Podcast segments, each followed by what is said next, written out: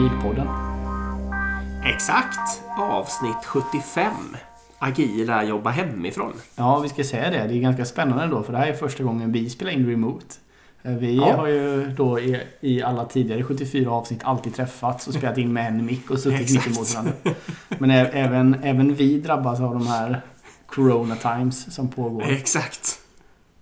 Ja, det är väl lika. Vi säger väl det först av allt då att jag har ju på riktigt varit sjuk också. Och jag vet ju verkligen inte om det är corona. Men eh, mycket tyder ju på det. Eh, Ja.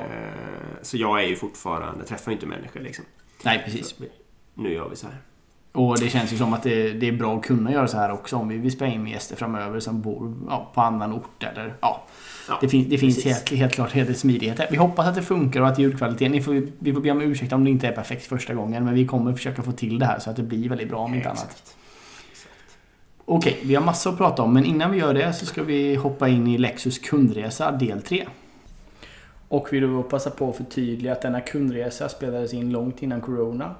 Samtliga Lexus återförsäljare har fortfarande öppet men de har såklart så följer de en mängd olika försiktighetsåtgärder som minimerar risken för att kunder eller medarbetare ska smittas. Eh, Och nu då hoppar vi tillbaka in i kundresa del 3.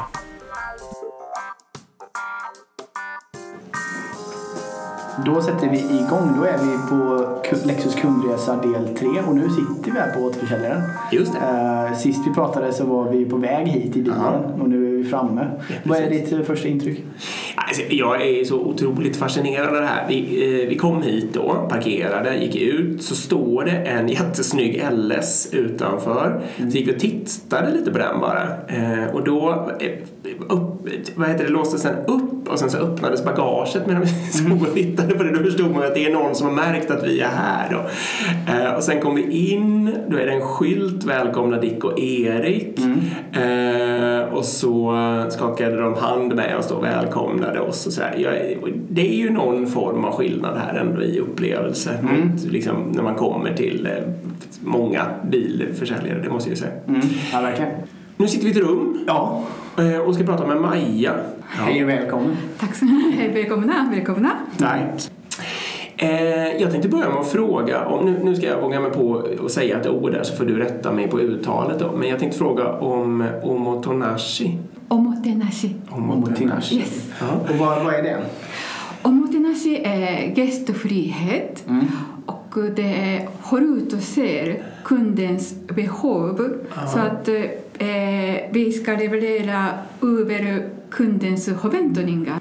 Och då, om de, de ser det som törstig och eh, vi frågar om kaffe, om det är varm sommar och kallt vatten så att det, man behöver Precis, och vi fick ju det också när vi kom hit. Och vi, vi- jag var ju jättesugen på kaffe för jag måste ju ha typ 10 koppar för att starta igång varje morgon.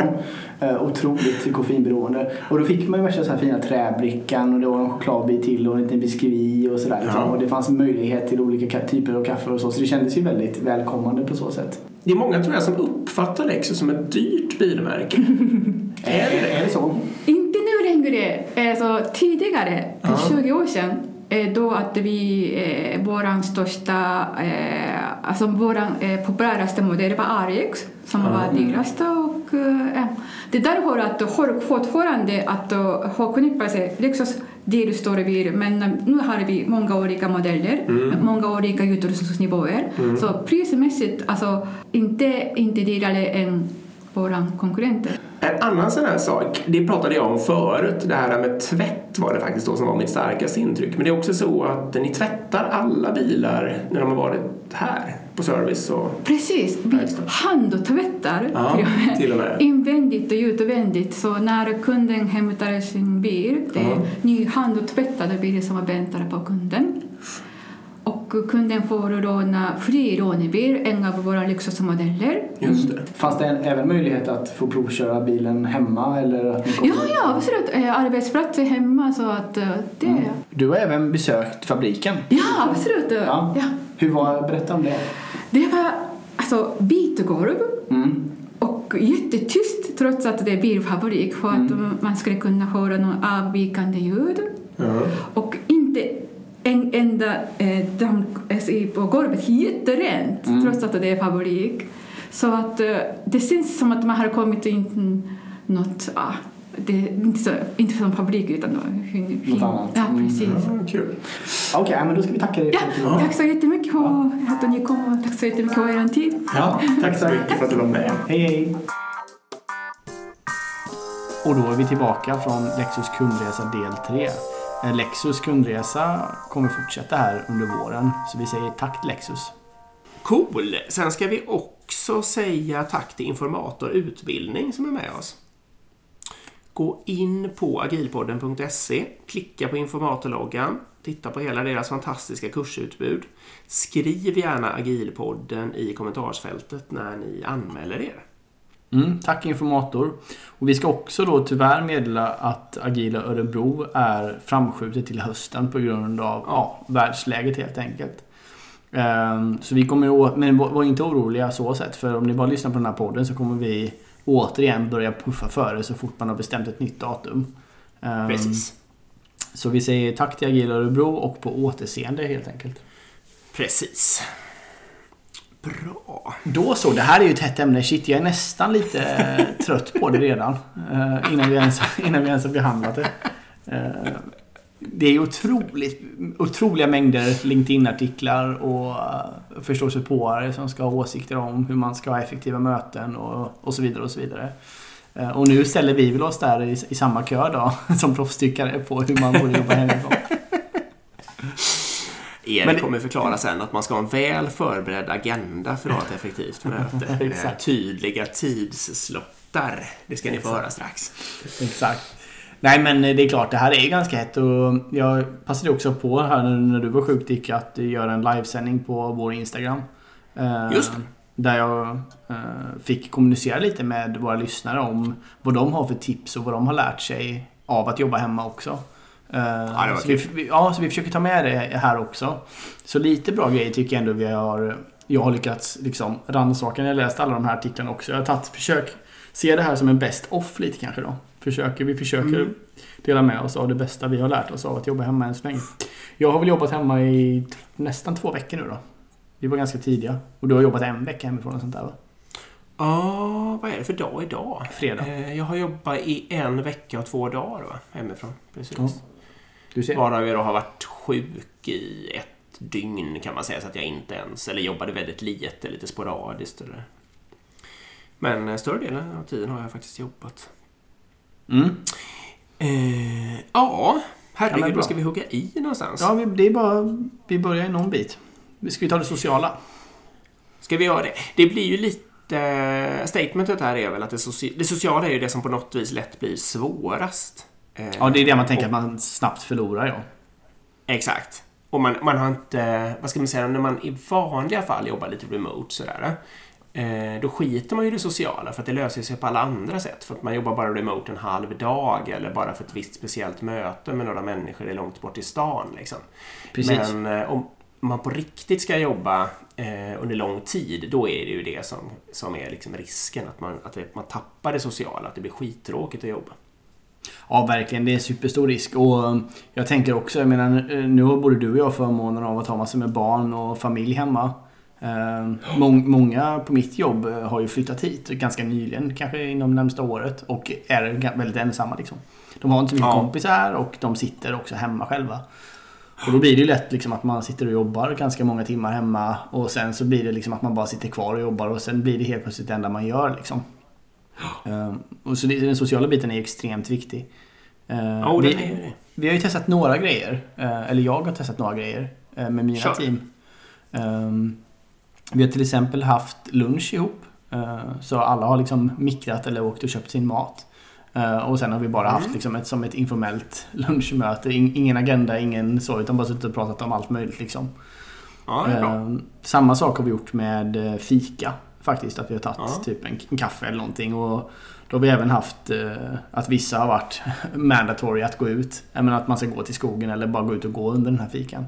Eh, Ja, det är bra. Även du och jag och en gemensam bekant har ju haft fika. Det har ju varit jättetrevligt. Ja, ja det, det är supernice verkligen. Eh, man behöver det. Alltså, för ofta, i alla fall jag när jag kommer in till jobbet. Jag börjar ofta med att man, man tar en kaffe och sätter sig med kollegorna och bara snackar lite. Liksom. Bara den här sociala biten. Och, och den biten försvinner ju lätt då. eh, om man inte ersätter det digitalt. Och den gör det. Och som sagt, fördelen då, det går helt plötsligt att välja vilket fikasällskap du vill. Du behöver inte begränsa till de som råkar sitta på kontoret. Nej, nej så är det ju verkligen. Eh, och det, för det märkte jag också första veckan här att jag var, var inne ganska mycket. Min fru kom förbi mig och bara, ska du verkligen sitta i det här svarta rummet liksom? Hela dagen. Vi har liksom tagit ner alla persienner och allting och sen du vet så här, Sitter med hörlurar på Ja. kolsvart rum liksom. Ja. Ehm, och, och det är ju såklart inte så bra. Ehm, ehm, men, så då är det ju bra att ha lite agendalagt. Okej, nu det här, även på one-on-one-samtal har vi haft att det här one-on-one-samtalet tar vi på en, på en promenad liksom. Vi stänger av video och stoppar ner telefonen i fickan och kör liksom. Ja, det är så ja. Och så headset och sen så Ja, långsam promenad i skogen eller något sånt där samtidigt som man fokuserar på vad den andra säger. Liksom. exakt. Ja. Jag hade faktiskt med mig telefonen ut i skogen idag när jag var där och eh, hade videosamtal på också så det går ju med. Ja. Och så en to Ja, kaffe liksom. Smart. Ja, så det är lite kring eh, det sociala. Även, vi hade ju även idag faktiskt en after work med vid fyra tiden att många tog en öl och sen så var vi en 30-40 stycken som satt i, en, i ett samtal liksom. Ja, det är smart. Så det kan man också göra. Gud, smart. Vad heter det? Spelade inte ni också? Mm. Det gjorde vi faktiskt senast idag. Otroligt roligt. Det finns ju massor med sådana här webbaserade spel som inte kräver massor med inloggningar och konton och sånt utan man ganska enkelt kan gå in. Eh, Vi spelade ett, eh, ett, eh, ett webbaserat spel där man var en rymdraket och efter sig så drog man en röd linje. Eh, Eller alla drog, ja i princip, men förenklat kan man säga att alla drog en röd linje. Och sen så var eh, ytan begränsad och så fort man åkte in i en röd linje så förlorade man liksom. Ja. Så det gällde Alltså bara att överleva. mask. Ja, precis. Det gällde bara, Mask något slag. Ja. exakt, det gällde bara att överleva så länge som möjligt. Och så fick man poäng då för varje runda och så ja, gick det ut, fick Ja. man och så vidare då. Ja, men det var helt perfekt liksom. Det blir ju så här folk har, Och så var vi ju ett samtal sam, ett, i ett hangout samtidigt så vi kunde se varandra och så. Det blir ju lite så här roligt och ja.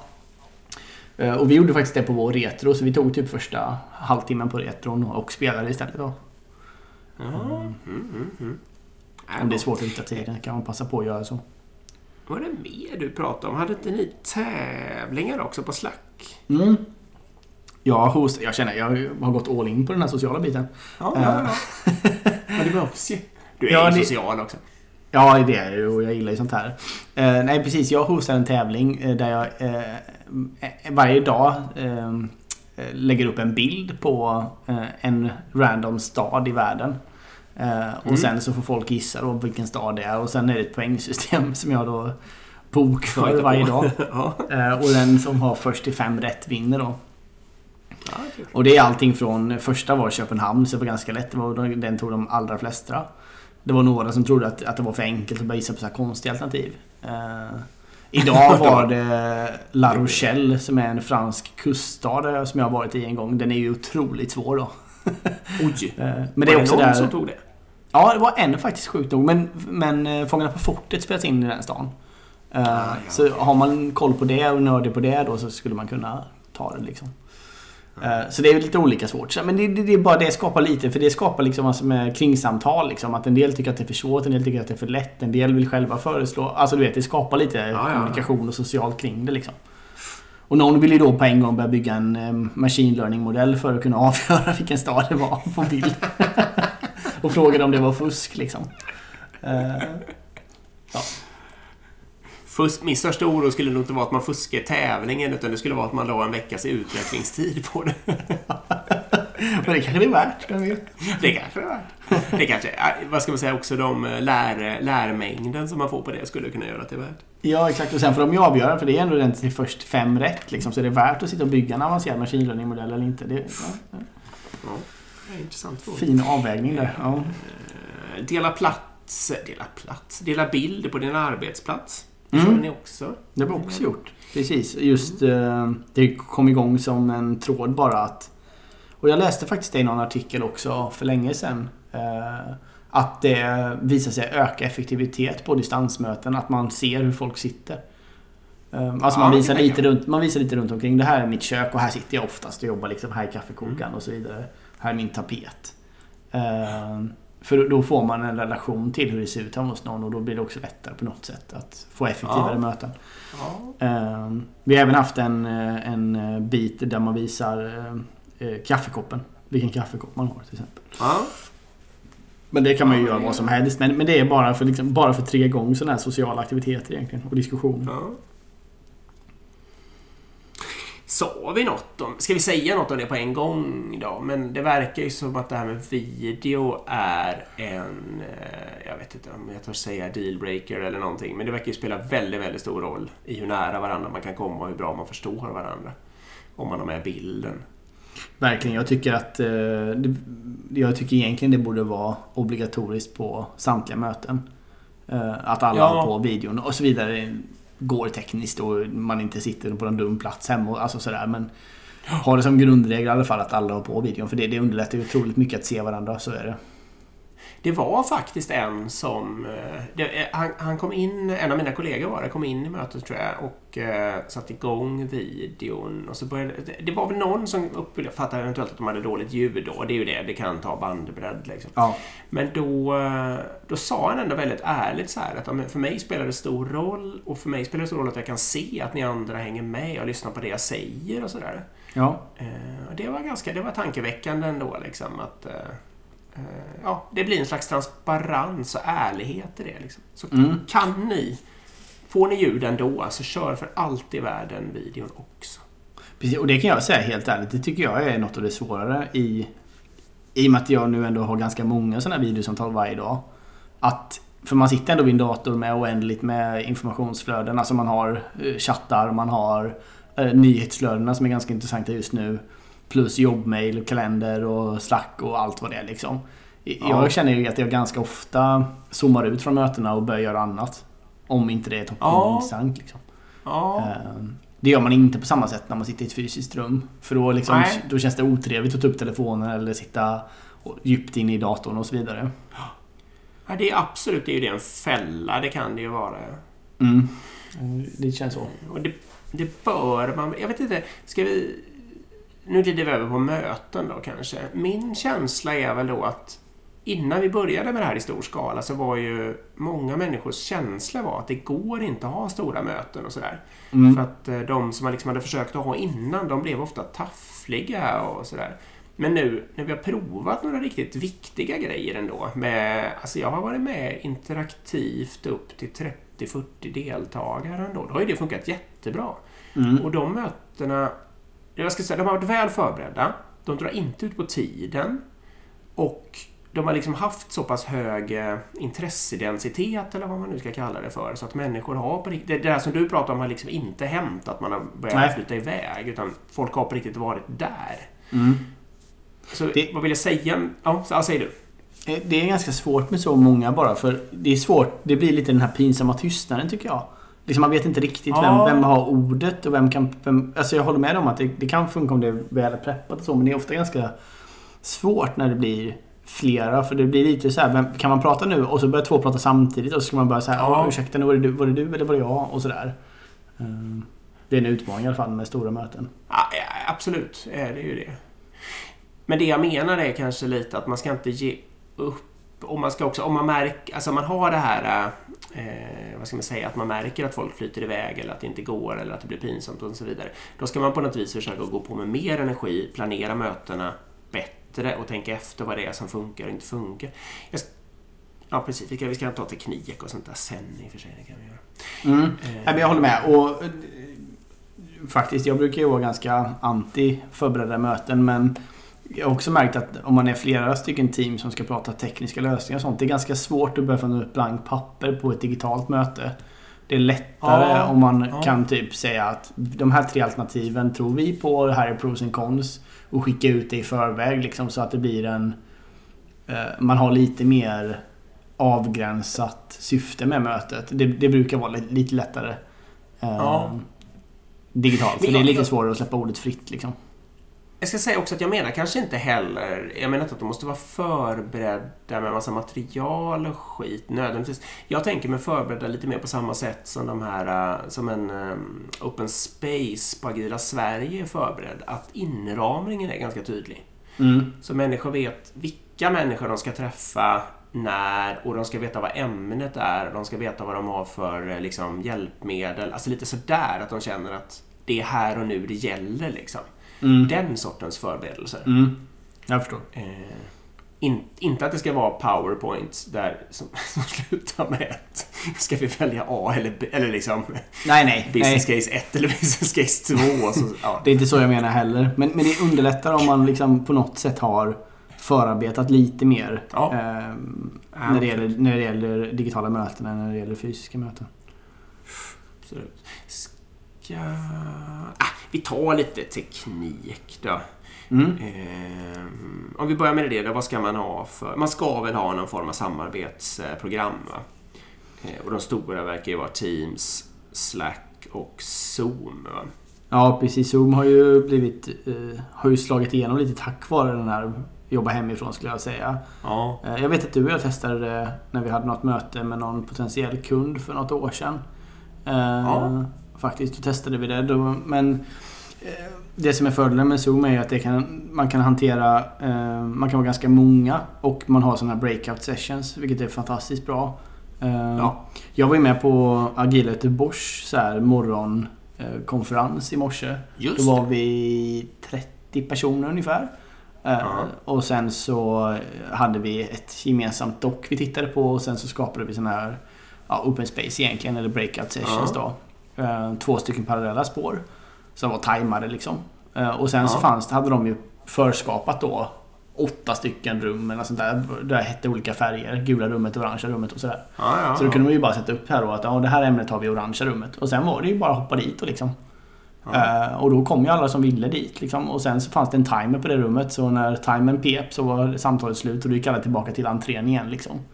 Eh, och sen hoppade man vidare till nästa. Så, det, är, det är otroligt smidigt alltså. Ja. Eh, och jag har även gjort det på en retro så var det jag som faciliterade och då bröt jag ut diskussionen i, i par. Så då satte jag, nej nu får alla, nu stänger vi den här stora chatten och så bestämmer jag nu att nu, nu skapar jag bikuper. Och då kan Ja. bikuperna ropa på mig som facilitator. Eh, Ja. Så en bikupa ropade på mig då och sa jag vi behöver hjälp. Så kunde jag hoppa in i den bikupan och bara vad är det ni undrar? Ja vi undrar det här och det här. Okej bra så kunde jag lämna. Jag, kan springa runt mellan bikuporna och sen på given signal då när jag vill så kan jag bara merge ihop allt i ett samtal igen. Ja. Eh, så, och det är ganska intuitivt faktiskt. Så det, ja. Ja.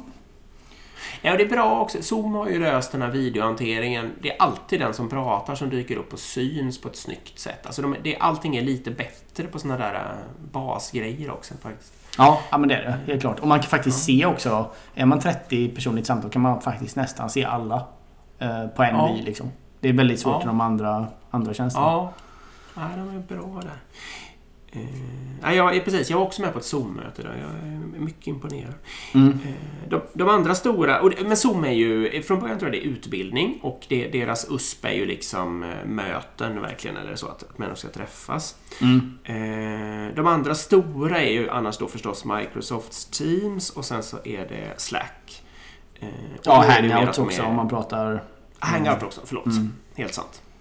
Och då är det ju det här allmänna samarbetsgrejset, alltså att det finns någon form av kanal där man kan skriva saker, det finns troligtvis en chatt, det finns troligtvis en mötesfunktion Mm. eh, och så är allt liksom sambakat till ett verktyg. Då. Mm. Och eh, de- har lite olika för och nackdelar, men man bör väl absolut ha någon sån om man tror att man ska kunna jobba remote. Ja, helt klart. Det finns stora fördelar med det. Exakt. Eh, jag ska säga också att om man nu inte har Zoom, det här eh, som jag pratade om, det här 30-40 personers mötet, där hade de ju på riktigt gjort breakouts genom att bara helt sonika kalla till separata Teamsmöten. Ja, det går ju att, ja, det går ju. Och så hade de tänkt i förväg att de här människorna får bli en grupp eh, och, så, och så bara gjort den kallelsen så alla visste det och sen var det bara vara lite tydlig då att nu går vi över till breakout, ni ska gå in i regeln, vi ska vara tillbaka vid den här och den här tiden. Mm. Och så. Det funkade superbra liksom. Eh, Det vi lärde oss då också är att där ska man ju förbereda vilka dokument människor ska arbeta i. För Mm. vad som hände var lite att alla fick det var fritt liksom. Men det vart ju ett litet minihelvete då att sätta ihop det när vi skulle redovisa i den stora gruppen igen. När man skulle få in resultatet från de här fem smågrupperna. Ja, just det. Ja, just det. Mm, det kan jag tänka. Det var ju lite dumt. Där skulle man ju ett delat dokument där alla hade varsin sida bara. Så fick man ju sitta och jobba, skriva direkt i. Det hade varit mycket bättre. Du vill ju prata om mural. Mural. Ja, Vad är det Mural. Ja, det är ju faktiskt ett fantastiskt verktyg. Eh, Man kan testa det gratis, 90 dagar tror jag i alla fall. Sen får man väl licensiera det. Eh, Men det är egentligen en digital whiteboard. Eh, Faktiskt. Och det, Ja. det funkar eh, till och med så att jag, jag har testat till och med att köra att ha vår stand-up board där istället. Så vi skriver post-it-lappar på den digitala whiteboarden och flyttar varje dag på stand-upen istället för att använda Gira eller något sånt där verktyg då. Ja, ja, ja. ja. Och man, man har ju fördelen då att man kan använda det precis som en whiteboard. Alltså det går att skriva upp vad som helst. Liksom, om man vill ha minnesanteckning eller man vill börja tracka någon ny, något nytt värde eller någonting så kan man använda det precis helt sådär. Och man kan skapa olika färger och så. Och de har också väldigt mycket funktionalitet. Till exempel, jag gjorde en retro i Mural idag. Eh, och Då kan man till exempel göra så här dotbooting och sånt. Så då kan alla få dotta Ah, ut sina... Alla får tre dots och man kan lägga ut dem ganska enkelt. Och man får en sammanfattning vad man borde fokusera på och sådär. Så det, det Ja, kan jag verkligen rekommendera att testa. Eh, Det, det, det funkar faktiskt precis exakt som en, eh, en eh, fysisk whiteboard. Den är digital och det finns färdiga post-it-lappar i olika format precis som på en, riktig whiteboard. Liksom. Ja, ja, ja.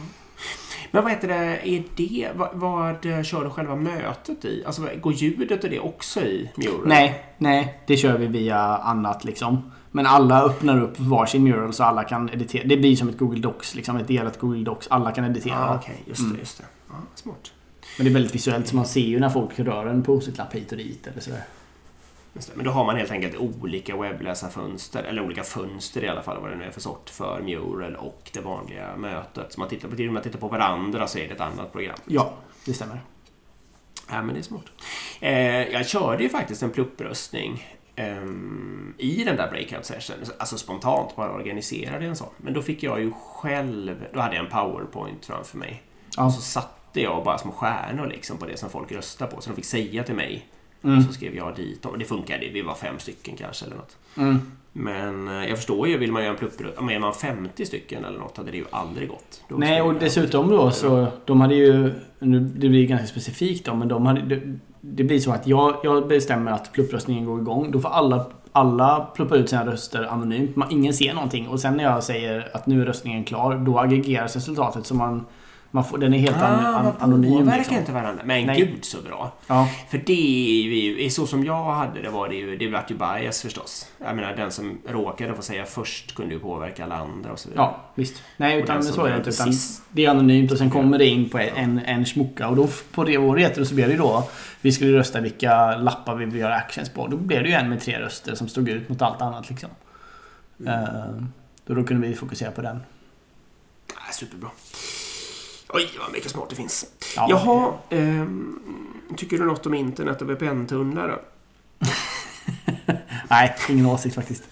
Nej, okej. Jag har haft mycket strul idag dock. Det är sjukt, strul, det är sjukt jobbigt när det strular. Det är ju stora nackdelen också. Jag blir otroligt frustrerad. Eh, Alltså det jag ska komma till är väl lite att ha, kan man köra molntjänster som funkar på internet så är det väl ofta stora fördelar med det. Liksom. Eh, måste man tunnla så blir det ofta krångel. Ja, precis. Men som utvecklare så blir det ju ofta tunnlings... Då måste man ju det för committa-kod och så vidare. Men Mina utvecklare de sitter nu, och, eller jag vet inte om alla gör det. Jag har hört att många sitter och jobbar på internet och sen eh, precis bara när de ska göra commit så Ja. tunnlar de in. Visst. Och sen släpper de tunneln igen för att det blir mindre krångel av det. ja, det, det är ju synd att de måste göra så dock. Ja, jo, det är lite dumt. Men det är en väg framåt liksom. Vad är- Det är ju det här, vad är, vad är det du kallar det, min Dix-tes? Vad- Hur, hur går den? Kommer du ihåg den? Nej. Ja, men det är någonting med det här att man ska jämföra med kostnaden för en person på ett år. Just det, den ja. Alltså, jag- tror Eh. sanningen är att Dix-tes, den är då fem olika beroende på Jaha, dagsform och en, en av dem ja. En, av dem, en av dem. Den går så ungefär. Och, det, och jag ska bara säga det att kopplingen i det här caset är ju då lite att man ska ju inte snåla, alltså behö, man ska inte sitta då framför en laptop med en jätteliten dator på en köksstol. Eh, om man får ont i ryggen och inte kan se mer än, än två centimeter kod. Liksom. Utan då, det, då får man ju ta dit en skärm från kontoret eller köpa en skärm till eller någonting. Och behöver man en kontorstol så måste man köpa det. Liksom. Så, om man får problem annars i alla fall. Eh, ja exakt, den, kost, den, kostnaden, den kostnaden är ju otroligt liten relativt allt, allt annat. Så är det ju. Det är det som Dicks tes säger. Ja. Exakt. Eller en av dem då. Ja, en av, exakt en av dem. Nu har vi touchat ganska mycket på metoder här, men vi kanske ska vi gräva ner oss lite till i det. Kan man mobbprogrammera hemifrån? Mm, det funkar ju alldeles utmärkt. Både mobb och parprogrammering. Mm. Uh, och jag tror det är viktigare än, än någonsin också att ha det. Uh, mm. För att sprida kunskapen i teamet och vad som händer och vad man gör. Och jag har även lyckats hoppa in några gånger i mobbarna för att förstå. För grejen är på kontoret så har man ju överhörning. Då hör man ju vad teamen gör och man förstår liksom ja. att okej okay, nu sitter de och pular på det där de sa på standupen och så. Här blir det ju lite på standupen att okej okay, man förstår. Men sen så får man ingen återkoppling på många timmar. Uh, Nej. Har de gjort något annat eller jobbar de för sig själva eller vad händer? Och... gick det bra? Gick det dåligt? Har de fastnat på något? Precis. Exakt. Och samma sak gäller ju för... Alltså det är inte bara att jag vill veta hur det går för dem utan det gäller ju alla vill veta hur det går för alla liksom. Uh, och då är det ganska bra att ha sådana där mobbrum öppna. Uh, så att man kan bara hoppa in och få medhörning. Uh, ja. Om man vill. Då får man ganska snabb förståelse om ja, vad jobbar de på och vad, vad funkar. Ehm, och där har vi också en metod faktiskt som jag kan rekommendera. det heter sure. Water Cooler Meeting. På ja. engelska. jag, jag, jag, jag, hörde termen på jobbet först men sen så var jag även när jag körde den här Instagram-sektionen och bara lyssnade. Det var någon som nämnde det också. Det innebär ja, egentligen att... Vad, vad, är det? Jag har alltså ingen aning. Berätta. Nej, du har ingen aning. Nej. Det innebär egentligen att eh, på sådana här klassiska amerikanska kontor liksom. Så finns det en watercooler, alltså en, en behållare. Du vet en sån här klassisk behållare, vattenbehållare där man går och hämtar vatten liksom. Ja. Du vet vad jag menar va? En sån här... Ja, absolut. Ja, en sån här stor som bubblar lite när man tar vatten liksom. Um, och då är det tydligen en grej att när man går och hämtar vattnet då står man ofta där och snicksnackar lite. Eh, om allt möjligt liksom. Det är en social ja. samlingspunkt liksom. Medan man fyller på sin vattenflaska så snackar man lite med den bakom. Det är bra, vad jobbar du med? Eller vad gör du? Och sådär. Ja, ja, ja. Och då innebär ett sånt watercooler-möte, det ligger egentligen 8 till 5 liksom. Alla dagar i veckan. Uh, så, så, det blir som att om jag sitter och jobbar nu och sitter och kört fast eller jag sitter för mig själv och bara att känna att fan vad segt allting är. Då kan jag hoppa in ja. där liksom. Och då sitter folk där och jobbar liksom. I det här mötet. Mm. Mutade liksom. Ja. Och då så kan jag bara då kasta iväg en fråga. Att, ja, hej vad gör ni? Liksom, jag, jag har fastnat, jag vill hoppa på och göra någonting mer. Eller kan ni hjälpa mig att kolla på den här grejen? Eller ja, vad som helst liksom. Eller bara hoppa in och snacka skit liksom. Så det blir som ett, eh, ett, ett öppet rum för att kunna snacka med någon liksom. Ja, ja, ja, det är ju smart. Ja. Så man kan gå in, det är ett ja. möte man går in i och sen så hostar man lite på något sätt. Och, ja. och, eller bara skriver kanske vad det är, om att man vill något kan man göra också förstås. Ja, precis. Exakt. Du kan ju göra vad du vill. Ja. Eh, och känner du att du absolut inte vill bli störd, då är du helt enkelt bara inte med i det mötet. Liksom. Nej, förstås. Uh, det är ju lite likt våran gamla... När vi bara jobbade med Brasilien. När du och jag jobbade på samma ställe och vi jobbade med Brasilien. Då jobbade vi med den där videoväggen. Den mm. fyllde ju lite samma funktion. Att man kunde mm. gå fram och vinka och få lite kontakt med andra sidan. Liksom. Mm. Helt se, rätt. Vad det var. se om folk var där och sånt där överhuvudtaget. Ja. Nej, det är Just det, och då kanske vi ska säga också att tekniken för mobb och parprogrammering är då troligtvis att man är i samma möte och eh, någon håller ju tangentbordet, det är även dens dator som koden är på just då och den delar skärm. Va? Det är mm. det som är den grundläggande tekniken. Visst. På tal om den där videoväggen bara. Ja, jag måste bara ta det. Det är ju ganska roligt för vi satte ju upp då då vi hade kontor i Brasilien och sen ett i Sverige och sen hade vi liksom, ja vi jobbade ju tillsammans väldigt tätt. Så då satte vi bara upp ett videosamtal som var oändligt. Eh, och då kunde man precis som du ja. sa då, vissa timmar kunde vi se varandra. Vi såg ju när de kom in vår eftermiddag och, och man kunde säga hej och sådär. Jag kommer ihåg, jag, och det var ju lite så här Big Brother-övervakningen då, att alltid ha en kamera på sin, ja, på sin arbetsstation. Liksom. Vi riktade väl den någonstans där det inte var så mycket, alltså där inte folk, eh, man såg ah. inte folks skärmar och så. Nej, det gjorde man inte, men man såg ju om folk satt och jobbade eller inte. Och jag kommer ihåg, jag, ja, jag, jag, gick, jag hade som ett stående skämt. Att gå fram, för gick man fram och pratade så hörde de ju på den sidan då liksom. Precis. Um, och lika väl på andra sidan, de kunde prata tillbaka till oss. Så jag kommer ihåg att de utvecklarna satt där och typ skrattade och sånt. Då gick jag alltid fram och bara knackade på micken så här liksom.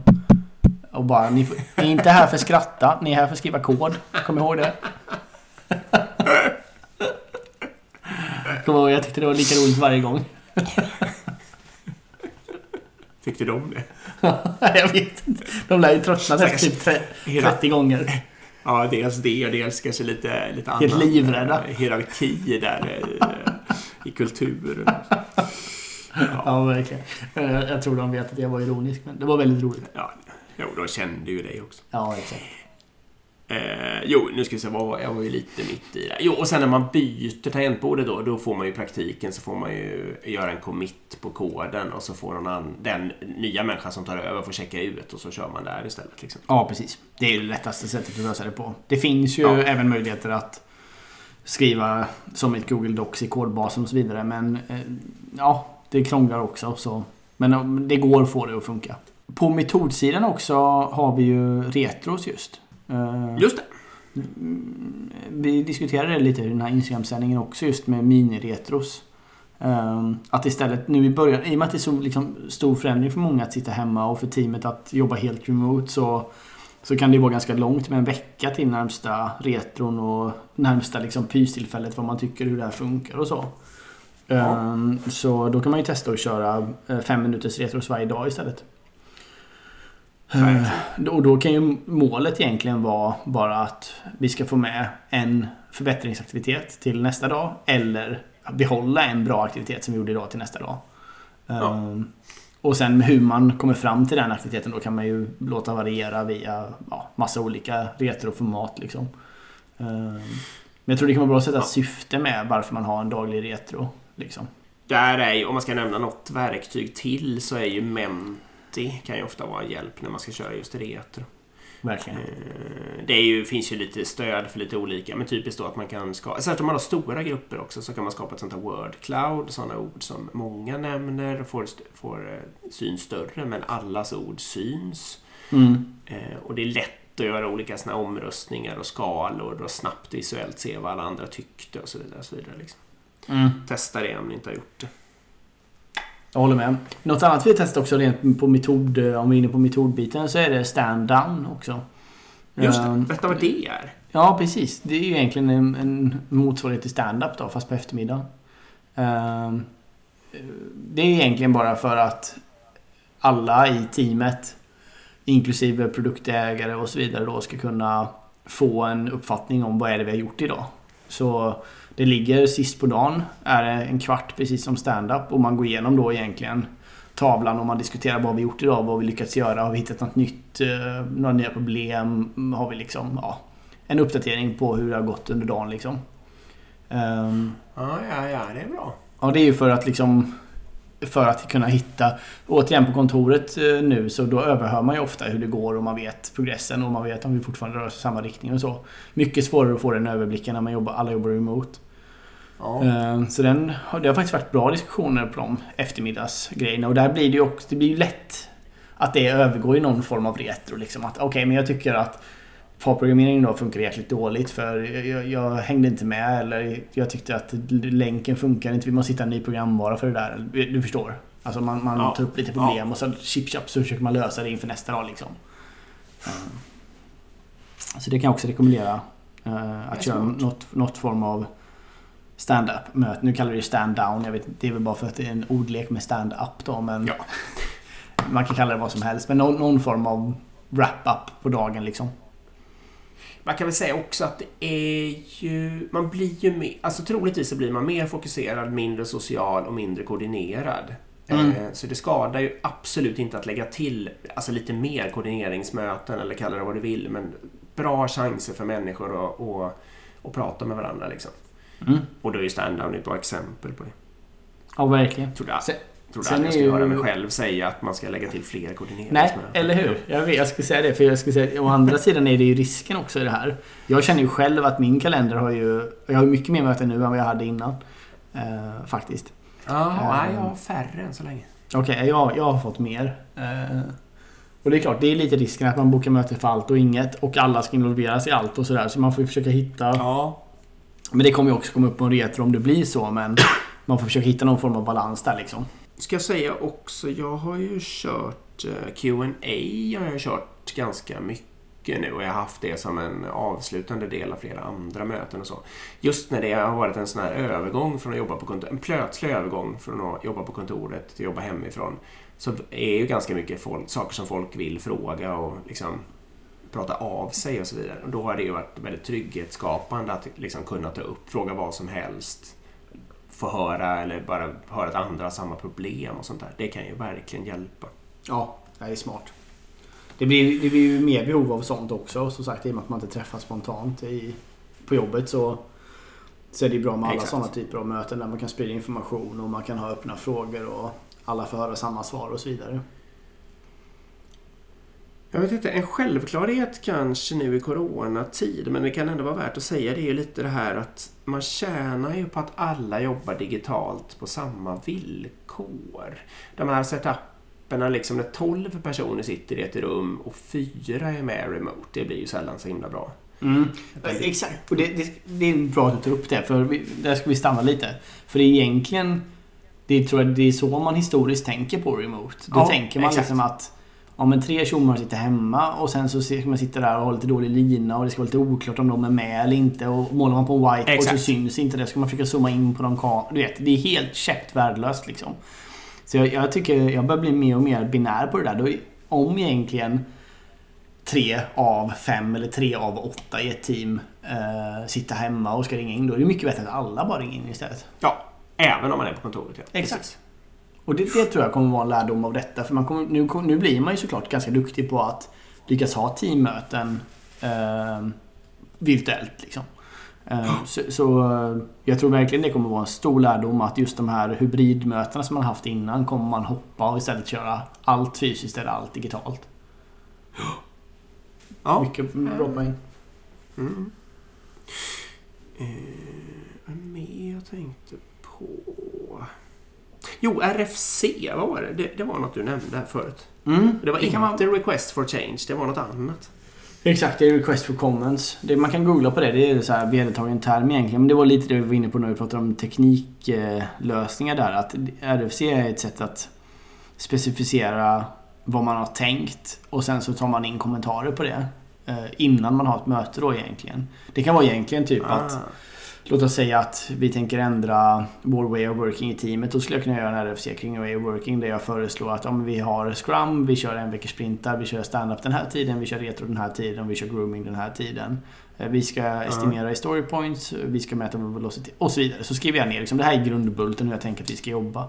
Och sen skickar man ut det då till alla berörda eller ja, stakeholders, eh, proffstyckare, Ja. vem man vill liksom. Eh, helt öppet. All, tanken är att det ska vara väldigt öppet och transparent. Då. Eh, och då kan alla kommentera på det. Liksom, att ja, men jag tycker att det här är fel, jag tycker det här är dumt och så vidare. Och sen, sen har man ett way of working-möte då. När man har den Just. grunden. Liksom.